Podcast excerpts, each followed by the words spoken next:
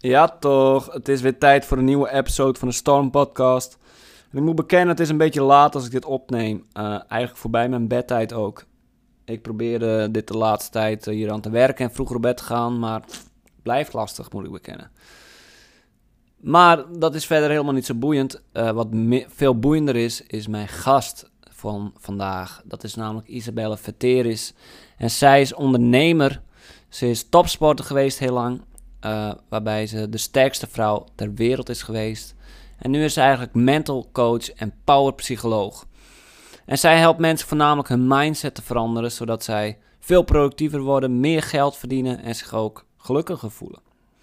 Uh, ze heeft een eetstoornis overwonnen, anorexia. En in de podcast hebben we het ook over haar eetstoornis en wat heeft bijgedragen aan het creëren van die eetstoornis. Maar ook wat haar heeft geholpen om uh, er weer van af te komen. En voor het eerst in deze podcast praat ik ook over mijn eigen eetstoornis, die ik waarschijnlijk heb gehad. Wat ik niet zeker weet, omdat ik het nooit heb laten diagnosticeren. Maar er waren wel superveel symptomen in een bepaalde periode uh, van een eetstoornis. En dat was dan meer richting bulimia uh, en vreedbuien. Dus uh, ja, in de podcast hebben we het daar ook over. Wat voor mij best wel spannend was om daarover te praten. Omdat het niet iets is wat ik normaal met de wereld deel. En wat ik eigenlijk sinds kort pas aan mensen heb verteld. Dus uh, dat was best spannend eigenlijk. Maar over het algemeen super leuke dag gehad uh, tijdens het interview met Isabelle. Ik kwam daar met mijn vriend Sieger. En um, ja, we werden, hebben gewoon lekker een bakje thee gedronken. Al, al snel merkte ik dat Isabelle en ik over heel veel dingen hetzelfde denken. Uh, ik heb het interview met haar afgenomen en toen was het zo van, nou weet je, Sieger, gaan wij ook weer naar huis, toch? En toen zei Isabelle, nee, ik heb toch een heel programma voor jullie klaarstaan. En was, uh, oh, ja, ja, heeft mijn, heeft mijn, heeft mijn team dat niet aan je laten weten? Nee, maar ja, prima. Was super awesome. Zijn nog even een ijsbadje ingedoken. Daarna, daarna nog even in de sauna.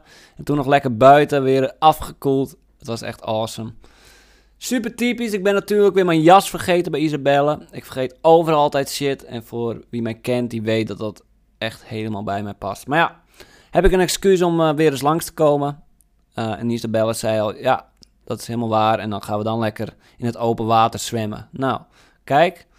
Ik kijk er nu wel naar uit. Genoeg geluld. Ik denk dat het tijd is om gewoon lekker te gaan beginnen. Uh, als je dit luistert, zorg vooral dat je abonneert op mij. Dat je me volgt op Spotify, YouTube, Instagram en al die bullshit kanalen. Want op die manier kan je gewoon op de hoogte blijven. hey, zeg nou eerlijk, dat wil je toch? Ja, toch.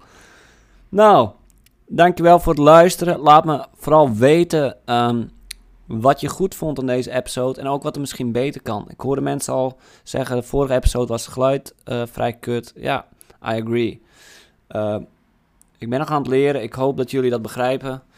Uh, heel veel dingen kan ik nog niet zelf en moet ik anderen bij, voor hulp vragen. En audio is ook zoiets. dus ik probeer eraan te werken. Laat me vooral weten, wat vond je goed, wat kan beter.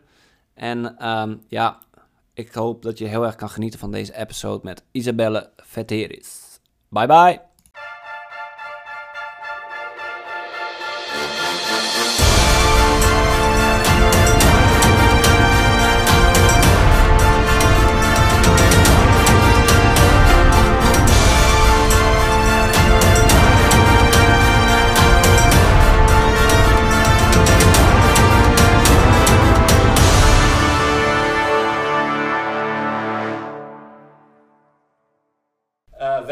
Storm Podcast. Uh, ik ben hier vandaag voor het eerst niet op mijn eigen locatie, niet veilig achter mijn bureautje met mijn koptelefoon op, maar ik ben vandaag in Leiden bij Isabelle Veteris. Spreek ik dat goed uit? Ja.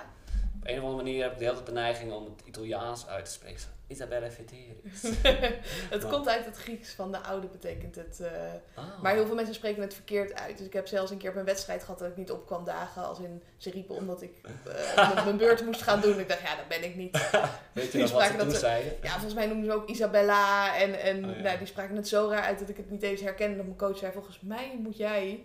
Volgens mij hebben ze wel drie keer omgeroepen. Ja, hè? ja. ja.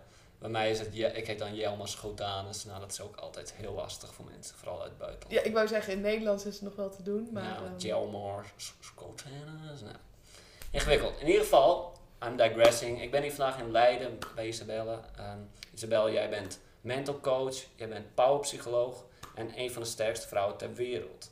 Ja. En natuurlijk ondernemer daarnaast. En daar wou ik eigenlijk wel heel graag mee beginnen. Van ik ben heel benieuwd, wie was jij voordat je in dat hele ondernemerschap terecht kwam? En wat, dacht, wat maakt dat je dacht op een gegeven moment, ik wil graag wat meer gaan doen of wat anders?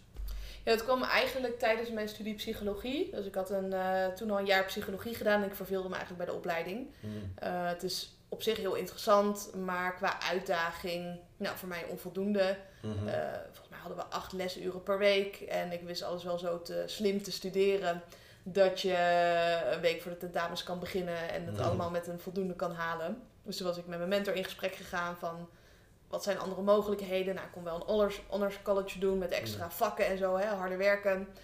Eh toen zei ik, nou maar wat levert mij dat uiteindelijk op voor de toekomst? Ja, niet zo heel veel. Hooguit een leuke vinkje op je diploma. Dus ik dacht, nou dat ga ik niet doen. Nee. Eh, en toen gaandeweg kwam ik in contact met een mindset coach. Hmm. En in de eerste instantie kwam ik bij haar omdat zij had staan van wil je een x aantal kilo afvallen, wil je fitter worden, wil je gezonder worden. Toen dacht ik, ja, dat wil ik. Ja. Ehm, ik heb in het verleden een eetstoornis gehad, dus dat triggerde dat bij mij ook nog wel. Ik dacht, oh, ik wil afvallen, Mm. dat eh, is comfortabel. Ja. En toen kwam ik er eigenlijk met haar in dat gesprek achter van een heleboel patronen die we hebben, die liggen helemaal niet aan een gebrek aan kennis bijvoorbeeld, maar echt in onze mindset. Hmm. En ik stelde alles uit. Eh, leren begon ik een week van tevoren. Ik ging pas boodschappen doen als alles op was. Ik kwam altijd te laat. En ik voelde wel dat ik meer in mijn mars had, maar ik had geen idee hoe, hoe ik dat eruit moest halen. Nee. En toen ben ik met haar eerst aan mijn mindset gaan werken. Daarna Hmm. bij haar ook nog een jaar stage gelopen. En toen dacht ik van oké, welk doel ik ook heb, ik, ik kan het volgens mij wel gaan bereiken. Of ik kan het in ieder geval gaan proberen. En ik ben bereid om te falen en daarvoor te gaan. Hmm. En toen ben ik dus begonnen met het powerliften. Mhm. En ik trainde wel fanatiek in de sportschool. Maar ik saboteerde mezelf aan de andere kant ook. Dus in het weekend ging ik lekker wijntjes drinken. En ik ging Mhm. laat naar bed. Of als het regende, zoals nu, dan Ja. ging ik lekker niet sporten. Mhm. En toen ben ik veel consistenter gaan trainen en het veel serieuzer gaan nemen. En op die manier toen een van de sterkste vrouwen van de wereld geworden in het powerliften.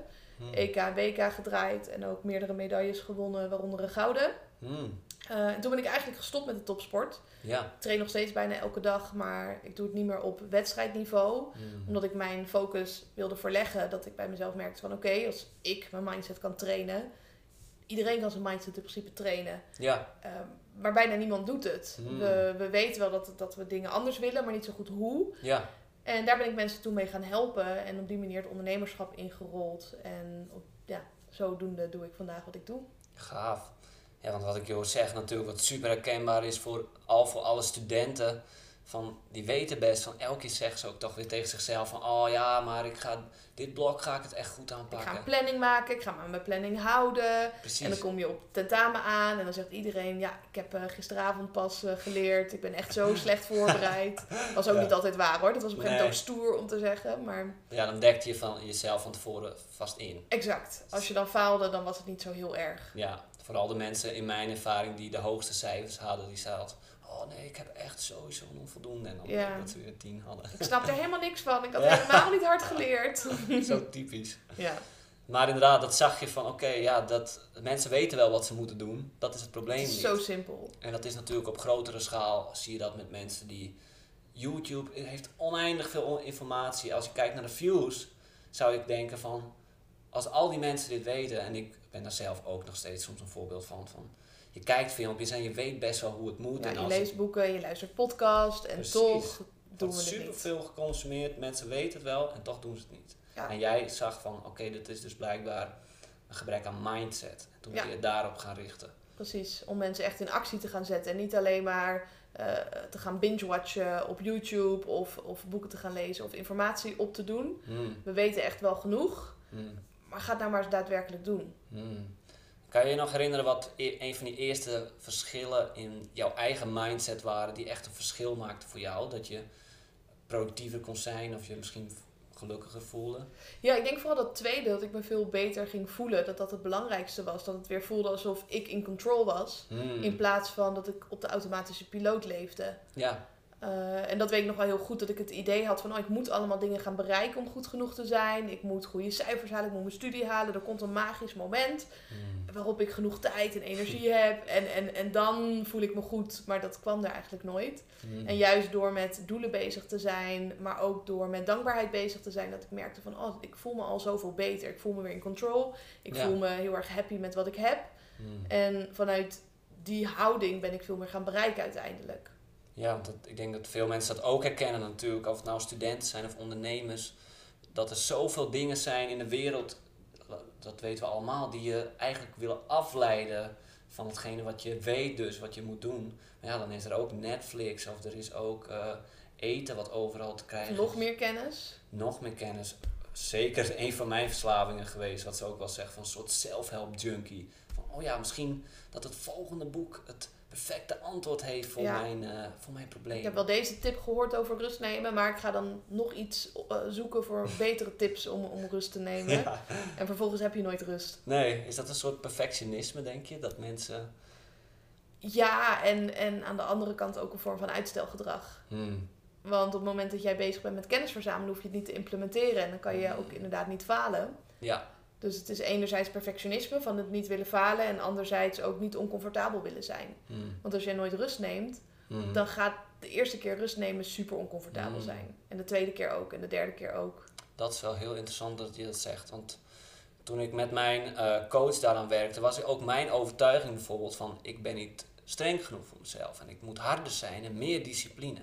En ik moet rust verdienen. Ja, Dus pas als ik hard heb gewerkt, dan mag ik rust nemen. En ik Ja. moet vooral niet te veel rust nemen. nee. En bijvoorbeeld pas ontbijten na een ijsbad of na een koude douche, dan heb ik mijn ontbijt verdiend.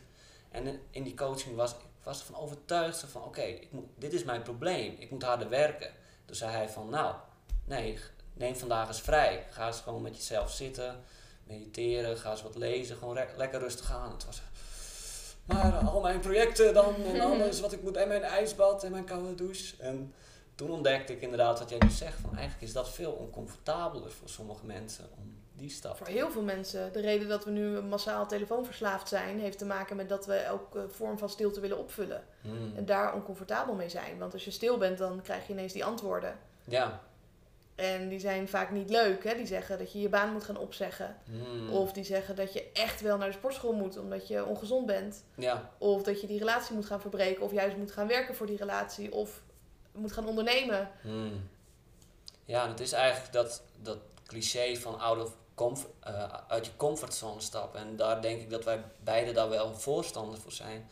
En het reguliere, zeg maar, of misschien over de heersende, waar we het voor de podcast ook al over hadden, is natuurlijk nog steeds van hustle en hard werken. Ja, en op die manier uit de comfortzone komen. En, en Ja. ijsbaden staan wel heel erg bekend voor oncomfortabel. Maar ook eh hè, bungee jumpen, eh Mhm. cliff springen. En daar ben ik totaal geen fan van, want het verandert uiteindelijk niks. Hmm. Dus ga uit de comfortzone op manieren die jij kan blijven implementeren in je dagelijkse leven. Dus rust is daar ook een heel mooi voorbeeld van.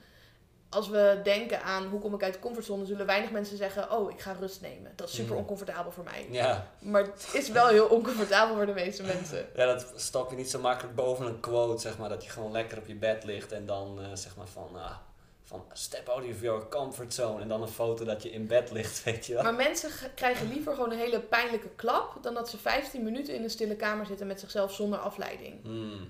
Ja. We zijn heel erg bang voor dat onbekende. Ja, ik herinner me zo'n onderzoek, misschien heb je dat met psychologie ook gehad, waarbij mensen in een kamer kwamen te zitten met niks te doen voor iets van drie uur. Maar ze hadden alleen een knop en als ze op die knop drukten, kregen ze een schok. En er waren echt mensen die gewoon honderd keer zichzelf een schok gaven. Om maar een prikkel te krijgen. Ja, om Ja. toch maar iets te ervaren. Dus dat zegt inderdaad wel iets over van, eh, nou ja, ook hoe die comfortzone voor iedereen anders is en hoeveel moeite we hebben om rust te nemen. Terwijl ik denk dat jij dat bij je klanten ziet en in je eigen werk, dat ook onderdeel uitmaakt van eh, op topniveau presteren.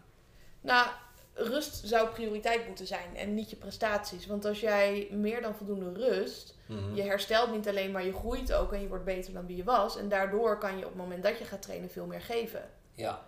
Alleen als je te snel weer gaat trainen, Mhm. dan ga je achteruit. Want je maakt het kapot, want het is nog niet hersteld. Of je blijft hangen op hetzelfde niveau. Mhm. En in de topsport snappen we dit allemaal. En geen enkele topsporter gaat vier keer per dag trainen. Dat is absurd. Hmm. Maar in het dagelijkse leven staan we mentaal de hele dag aan. Ja. Ja, dan is het geen wonder natuurlijk dat je uiteindelijk opbrandt. Ik, eh, ja, ik vind die me- het woord eigenlijk ook al vaak mooi van het is, je bent opgebrand en het komt omdat je wel veel vuur in je hebt, zeg maar. Je wil creëren, maar op een gegeven moment is dat vuur dan misschien op en als je dat kan balanceren met, ja, het klinkt dan weer wat, wat hippieachtig, maar met dingen als water, koud water of aarde, gewoon lekker in de natuur zijn. Of lucht, Ja. en even ruimte hebben. Ja, Ja, absoluut. precies. Ruimte, dan blijft het allemaal wat in balans. We waren een beetje gestrand met jouw verhaal ook, zeg maar. Jij op een gegeven moment, eh, op een gegeven moment had je het idee van, oké, ik wil meer met mindset gaan doen. En je zei al van eh, welke dingen voor jou daarin een verschil maakten. Hoe is die reis geweest naar waar je nu bent, zeg maar? Welke dingen qua mindset zet je al, eigenlijk altijd in? Of wat zie je het meest voorkomen bij klanten? En de dingen die ik dus het meest zie voorkomen is dat mensen denken dat ze een schop onder hun kont nodig hebben, of een stok achter de deur, of dat ze niet streng genoeg zijn. Uh, maar vaak zijn we juist te streng voor onszelf. En we denken ook dat, uh, dat we bepaalde patronen hebben die heel goed voor ons werken en die blijken helemaal niet goed te werken. Mm. Dus wat ik meestal doe is dat langzaamaan afbrokkelen. Mm. En ik gebruik wel doelen als houvast, omdat doelen wel een heleboel zichtbaar maken. Want als je het niet doet, Mm. dat is waar ik dan als coach van aanga. Dan denk ik, hé, hey, dit is interessant. Hoe kan het dat het niet is gelukt? Want als het allemaal wel lukt, dan gaat dan van een lui dakje. Ja. En dat is ook vaak waar de stemmetjes beginnen te spelen van degene die ik dan help. Mhm. Nee, je bent een sukkel, je hebt gefaald, boos worden op jezelf. Mhm. Uh, dus dat is eigenlijk het, het begin van de coaching. Mhm. Uh, maar mensen vragen ook vaak van hoe gaat het er uiteindelijk uitzien? En een heleboel weet ik zelf niet eens, want ik coach heel intuïtief. Mm. We denken vaak dat we het allemaal moeten weten, dat is op rationeel niveau. En dat is 10% van de ervaringen die we hebben en de kennis. Mm. En je hebt natuurlijk de intuïtie, dat is je onderbewuste. En dat is 90% van Ja. alle kennis en ervaring die je hebt. Mhm. Dus op die manier is mijn coaching ook ingericht. Dat we heel erg ingaan op de dingen die op dat moment spelen bij de mensen met wie ik werk. Mm.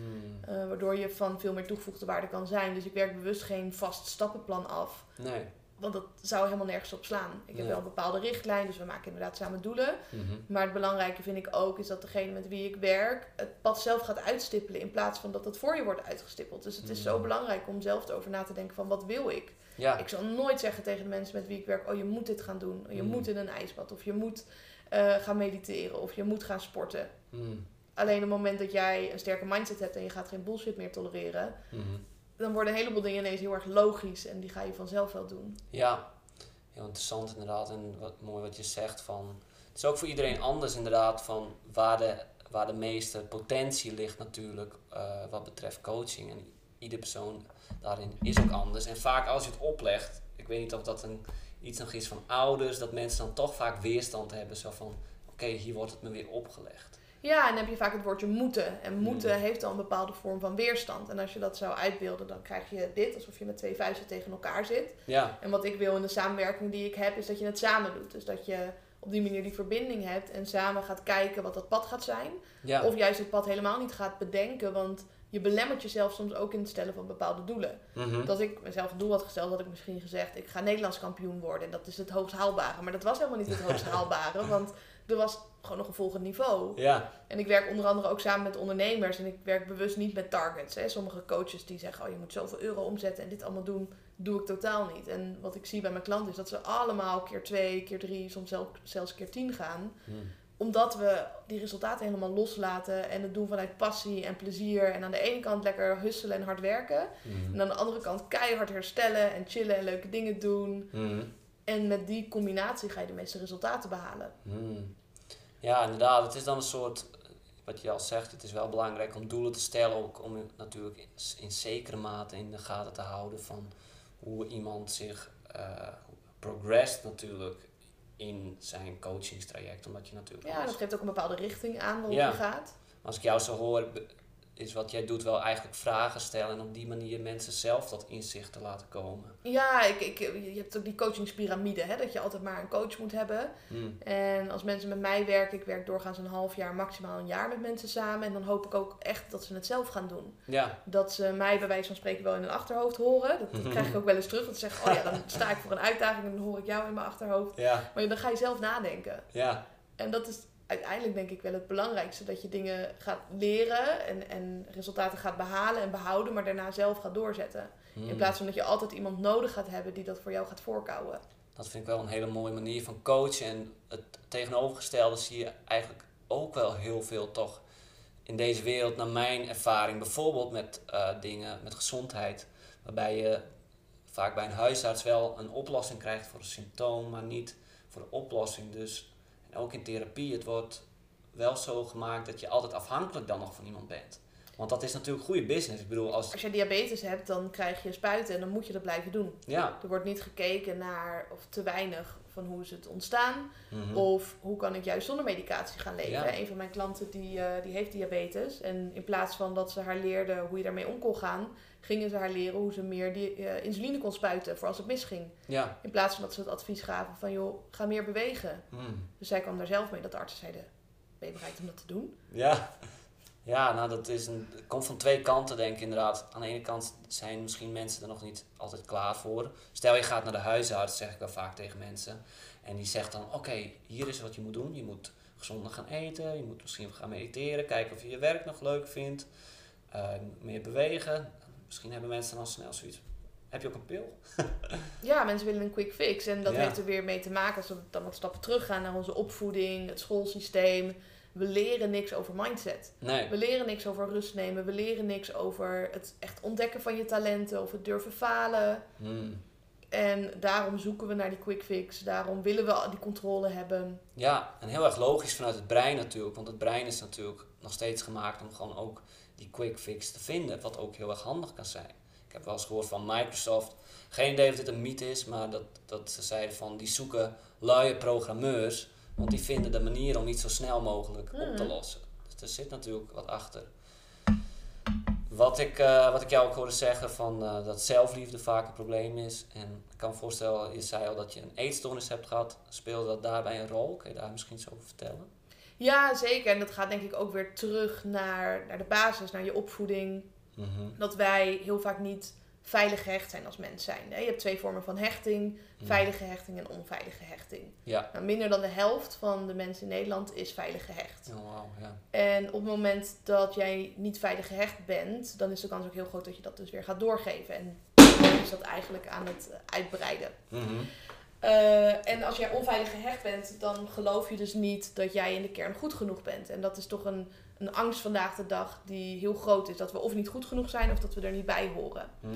Of dat we bepaalde dingen moeten doen om goed genoeg te zijn of om erbij te horen. En dat was bij mij dus ook. Van, hè, als ik bepaalde prestaties lever, Mhm. dan mag ik er zijn. Dan ben ik goed genoeg. Ja, terugkomend naar dat ijsbad wat je moet nemen. Of als je een bepaald doel hebt bereikt of een bepaald gewicht, dan verdien ik die liefde van mezelf. Ja, exact. En ook dat ik het heel moeilijk vond om met emoties om te gaan. Mhm.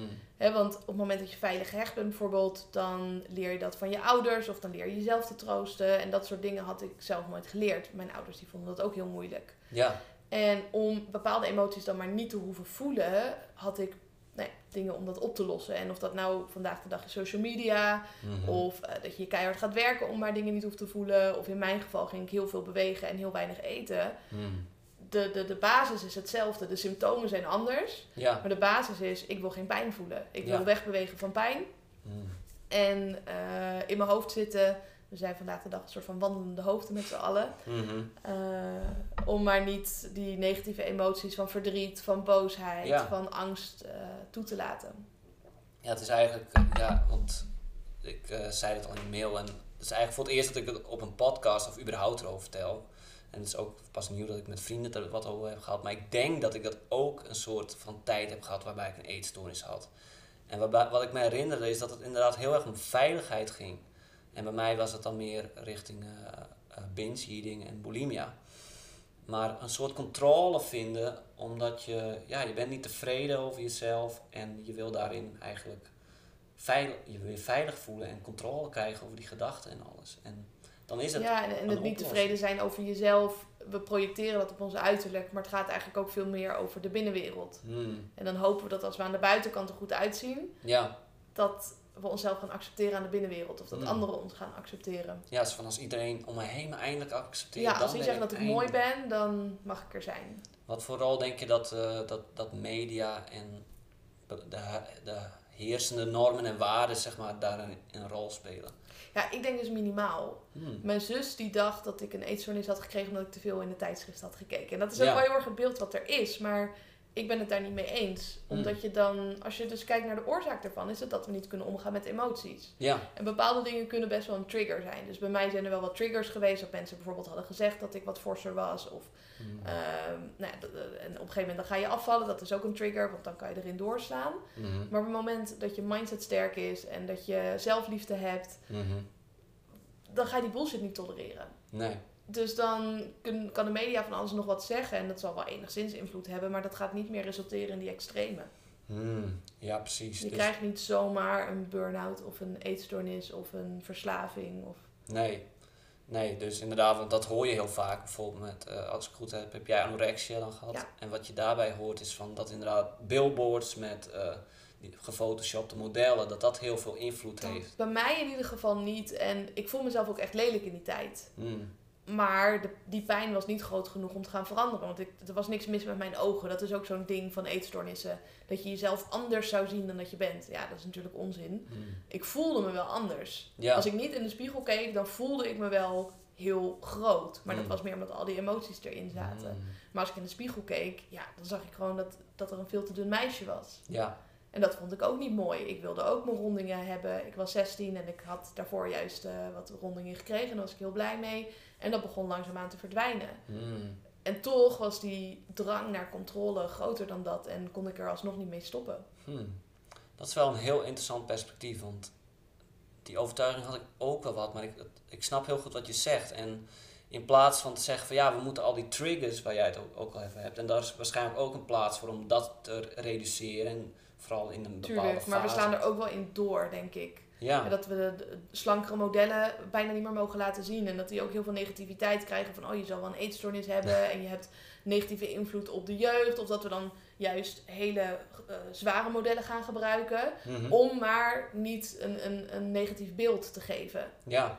Klopt ook niet helemaal. Dan, dan handelen we denk ik ook weer vanuit angst. ja, en het haalt zeg maar, ik weet niet of verantwoordelijkheid het juiste woord is, maar wat jij net ook al zei, jij wil mensen motiveren om uiteindelijk vanuit hun eigen kracht iets aan te kunnen.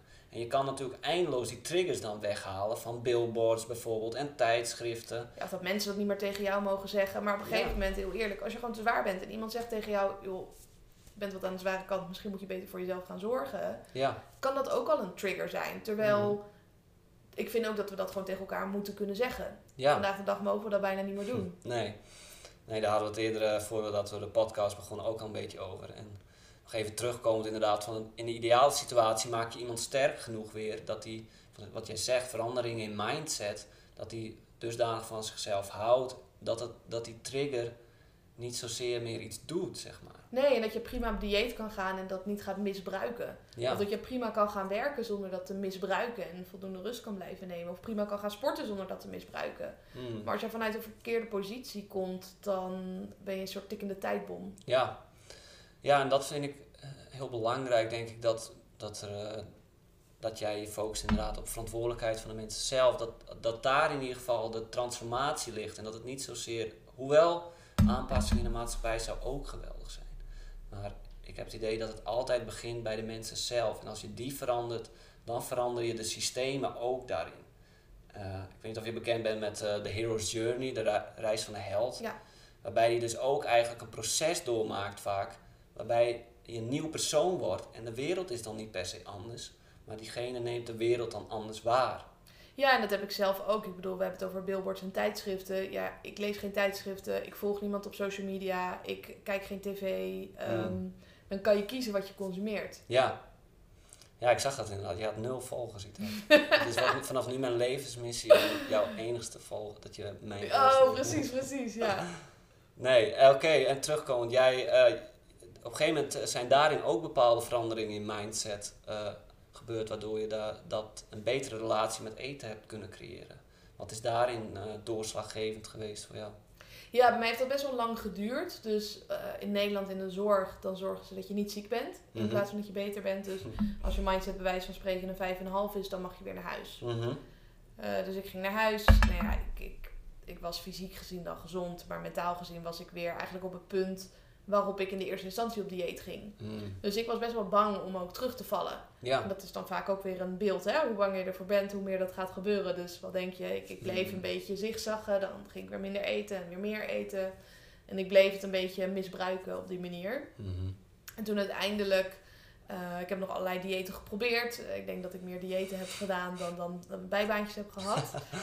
Ehm, maar vooral door mijn mindset te veranderen, dat het eigenlijk het, het stukje voeding veel meer vanzelf ging. Mm. En ik eet nu helemaal intuïtief. Dus ik eet waar ik zin in heb en ik stop als ik vol zit. Mm. En ik heb geen restricties. Ik mag alles wat ik wil. Ik geloof in die overvloed. Mm. Dus als ik nu chocola wil eten, mag ik nu chocola eten. Of als ik nu chips wil, dan mag dat ook. Alleen Ja. als je denkt in die overvloed, dan hoeft dat helemaal niet. Nee.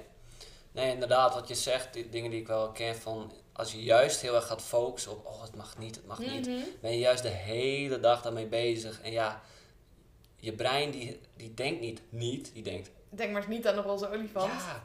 Dus Ja. wat logisch dat je dan ook terugvalt, want dat is alles waar je de hele dag mee bezig bent. Oh, ik mag dit niet eten, ik mag dit niet eten. En dat herken ik absoluut. En dat maakt het juist veel eh, waarschijnlijker dat je weer terugvalt. Ja, absoluut. En plus, de- ja, dit is nog een hele factor, een wereld apart van hoe verwerk je het ook als je dan, stel je eet bijvoorbeeld chocola en vervolgens door al die overtuigingen die je hebt, eh, denk je, oh dit is het slechtste wat ik ooit heb gedaan en dit oh ik ben zo dom en wat ben je ook. Die stress is bijna ongezonder dan de Ja, chocola. Ja. Precies. En plus, die chocola wordt ook nog verwerkt in een soort stressstaat waarbij je lichaam het idee heeft dat hij door tien tijgers wordt achtervolgd. Ja, dat wordt nooit goed logisch dat het dan ook niet goed verwerkt wordt, zeg maar. ja, dus ik ben vooral daarin gaan werken aan mijn relatie met voeding. Ja. En in, meer in die overvloed gaan denken, maar ook me gaan verdiepen in goede voeding. Hmm. Eh, en dan niet alleen voor de kortere termijn om af te vallen, maar juist om 100 mee te worden. Hmm. En dan ga je hele andere keuzes maken. Want we diëten vaak om op korte termijn resultaten te halen en dan een bepaald lichaam te hebben. In plaats van dat we kijken van hoe kan ik eh, gezond 100 worden. Mhm. En als we kijken naar de voeding die we dan eten, is dat eigenlijk ook voeding waarmee we een, een fit en gezond lichaam krijgen. Ja. Duurt alleen ietsje langer, want je gaat jezelf niet uithongeren, maar je laat je lichaam het, het werk verder doen. Ja. Eh, en, en zo kijk ik nu veel meer naar voeding, meer als brandstof. Hmm. Dus stel dat je een Ferrari hebt, dan gooi je er ook geen rotzooi in. Mm. Dan gooi je daar de beste brandstof in. Ja. En zo zie ik ook mijn lichaam. En op het moment dat je dus meer liefde hebt voor jezelf, dan gun je jezelf daarin ook het allerbeste. Ja. Ja, dat is wel een mooie vergelijking. En die heb ik ooit eens eerder gehoord bij iemand die ook zei van... Die kreeg dan veel klanten ook die dat zeg maar niet zo zagen. Die snapten wel van ja, in auto's zit verschil qua kwaliteit, toch? Dat, ja, ja, logisch. Je hebt Ferraris en je hebt misschien een... eh, Ik eh, noem altijd mijn oude auto, mijn Kiaatje. ja, Met een zwarte Kia Picanto. oh, en, heerlijk. Die moet ik, wil ik straks nog even zien. ja, ja, is goed. Misschien even toe. Ik ben ermee naar Spanje gereden. Oh, dus, dat eh, heeft hij overleefd ook. Zeker, Misschien is het wel beter als een Ferrari. is. Misschien wel. Zuiniger denk ik wel. Maar er zit zeker verschil in. En het- de, de metafoor wordt vaak gebruikt in de vorm van trajecten. Hmm. Ik ben niet de goedkoopste, want ik ben een Ferrari, ik ben geen Kia. Hmm. En ik gebruik hem meestal als metafoor van... Wat, wat stop je in jezelf? Hoe zie jij jezelf? Ja. En eh, wat voor verschil zie jij in wat zeg maar, want jij hebt natuurlijk, eh, heb je in een kliniek gezeten toen de tijd? Ja, ik wilde zelf niet opgenomen worden. Daar heb ik ook alles aan gedaan dat het niet hoefde, want ik vond mezelf niet ziek. Nee. Zoals de meeste Mhm. mensen natuurlijk. Mhm. Eh, dus ik wilde niet het ziekenhuis in. En ik had ook wel zoiets van, ik heb dit mezelf aangedaan. Ja. Dus dan ga ik ook niet aan de zondevoeding om het op een makkelijkere manier de, op te lossen. Hmm. En ik hield ook heel erg van eten. Dus ik vond het ook bijna zonde om dan zondevoeding te krijgen. Mm. Want dan proefde ik het helemaal nee, niet. dat geen reet aan. Nee! Ik dacht, nou dan eet ik nog liever die boterham met kaas. ja. Dus ik heb toen eerst een maand thuis gezeten om aan te sterken. Ja. En ik was vet gemotiveerd. Ik dacht, ik ga aan de slag. Hmm. Ik ga beter worden. Ik heb doelen in mijn leven.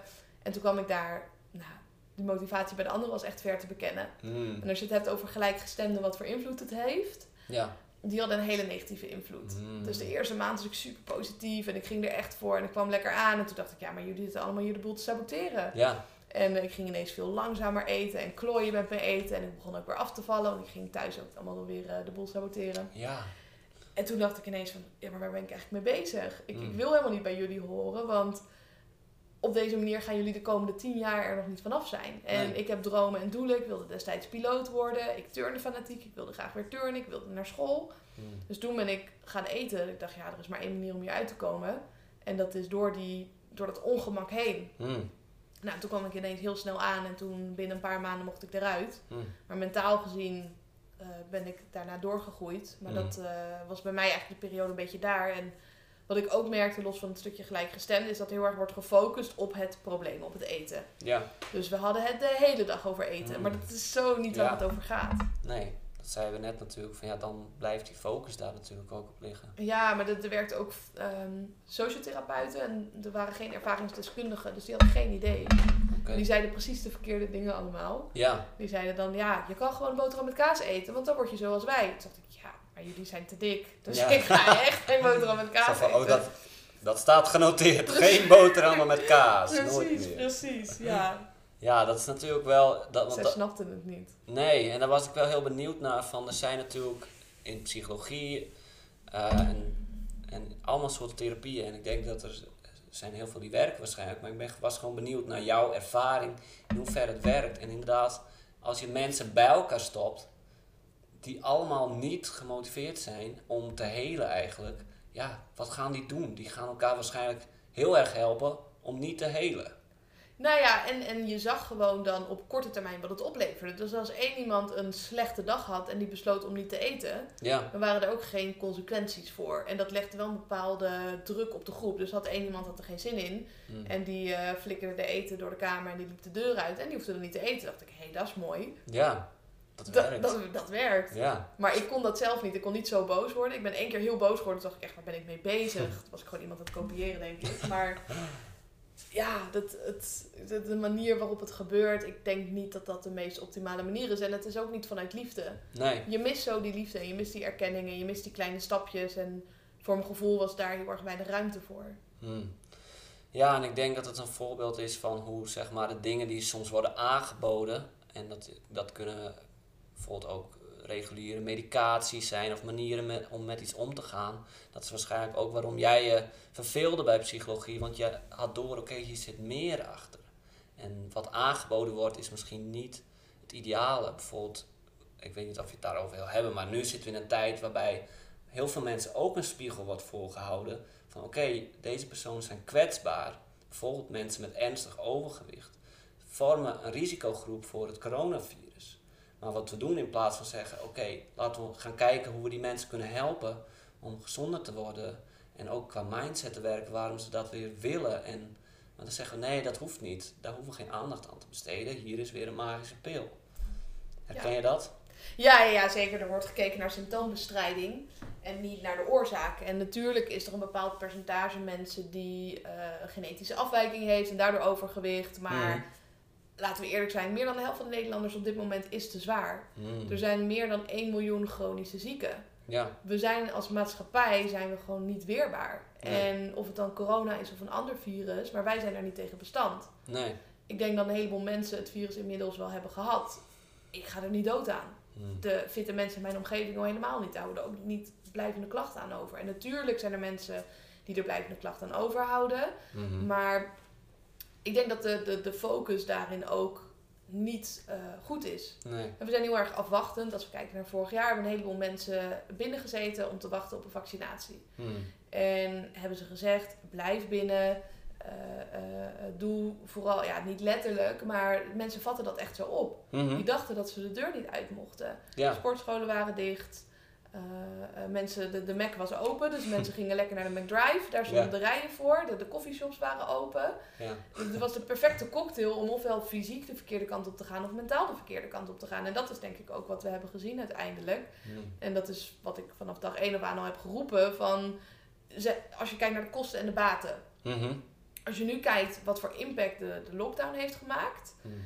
Eh, op de mentale en fysieke gezondheid, en dat trekken we naar de komende tien jaar, dan was het waarschijnlijk niet waard geweest. En Nee. kijk naar alle kankeronderzoeken die stil hebben gestaan. Hmm. Mijn moeder is eh, twee jaar geleden overleden aan kanker. Hmm.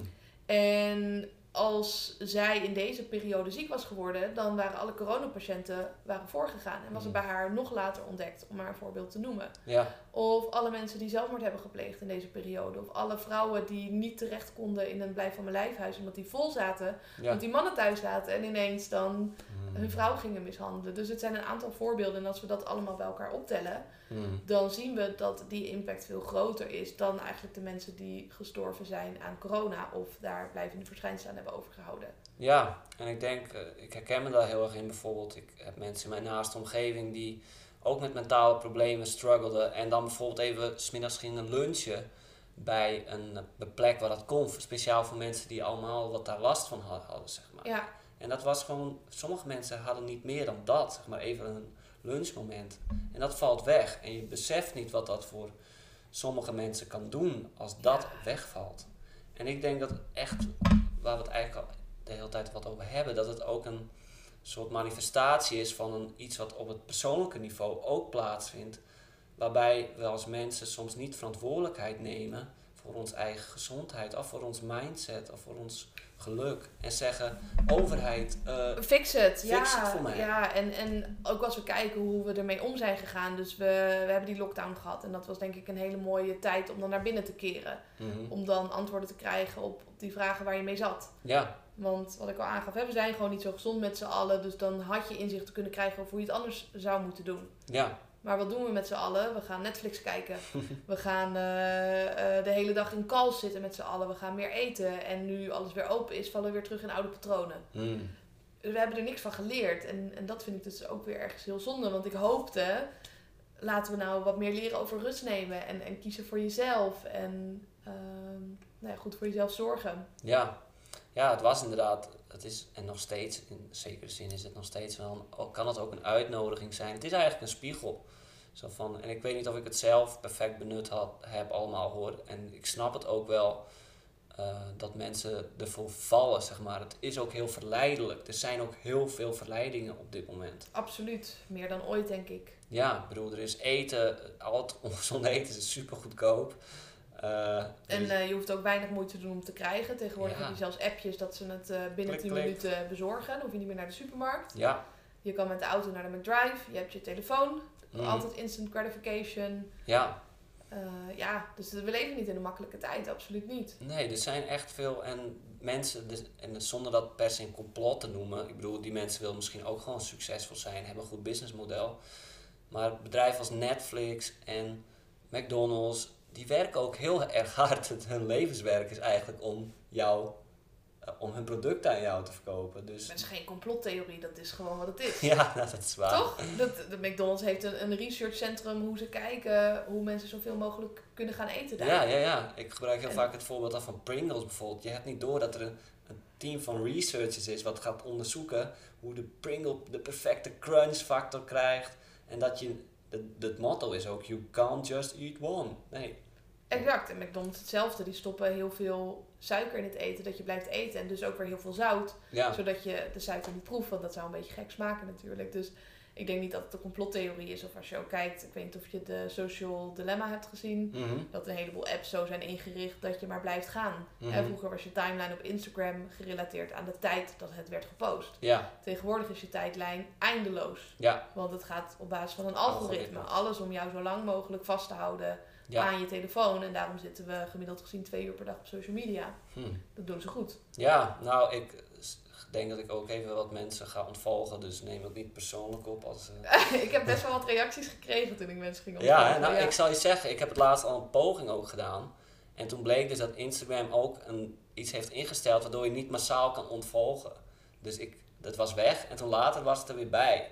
Want dat, Ik heb dat soms ook, dat ik ineens weer iemand volg. Dat Ja, ik denk, huh? Dit is raar. Ja. Ja, ze, ze worden daar niet blij van. Nee, dat snap ik, dat snap ik. En het is natuurlijk, eh, nou, wil je in het systeem werken, is het ook lastig. Bijvoorbeeld voor, voor jou als ondernemer en voor mij als beginnend ondernemer. Als ik mensen, als ik mijn producten uiteindelijk wil verkopen, moet ik ook mensen op dat platform houden. En word ik gedwongen om binnen dat algoritme, die variabelen, zo goed mogelijk daaraan te voldoen. Dus engaging content creëren en reacties. Ja, maar ik denk als je het... Als je dat weer omdraait, hè, als je niet kijkt naar het, het, het doel, Mhm, maar als je komt vanuit die overvloed van jij wil gewoon fantastische content maken, mm. dan gaat het vanzelf wel viral. Ja, precies. Daar zit denk ik ook wat in.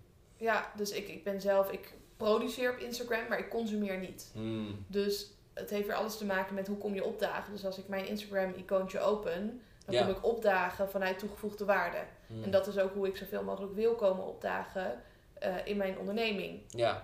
En als je dat doet op Instagram en je vanuit die manier deelt, Hmm. mensen gaan erop reageren, die halen de waarde uit, die vinden het tof om jou te volgen. Ja. Dus dan hoef je denk ik ook niet met ehm, En strategieën. En... nee, en, eh, elke dag gaan posten. En, en tuurlijk, het werkt. Maar ik post bijna elke dag omdat ik het wil en omdat ik iets te bieden heb. Ja. In plaats van omdat het moet, want dan ga ik random foto's plaatsen. En dat is ook niet waar ik voor sta.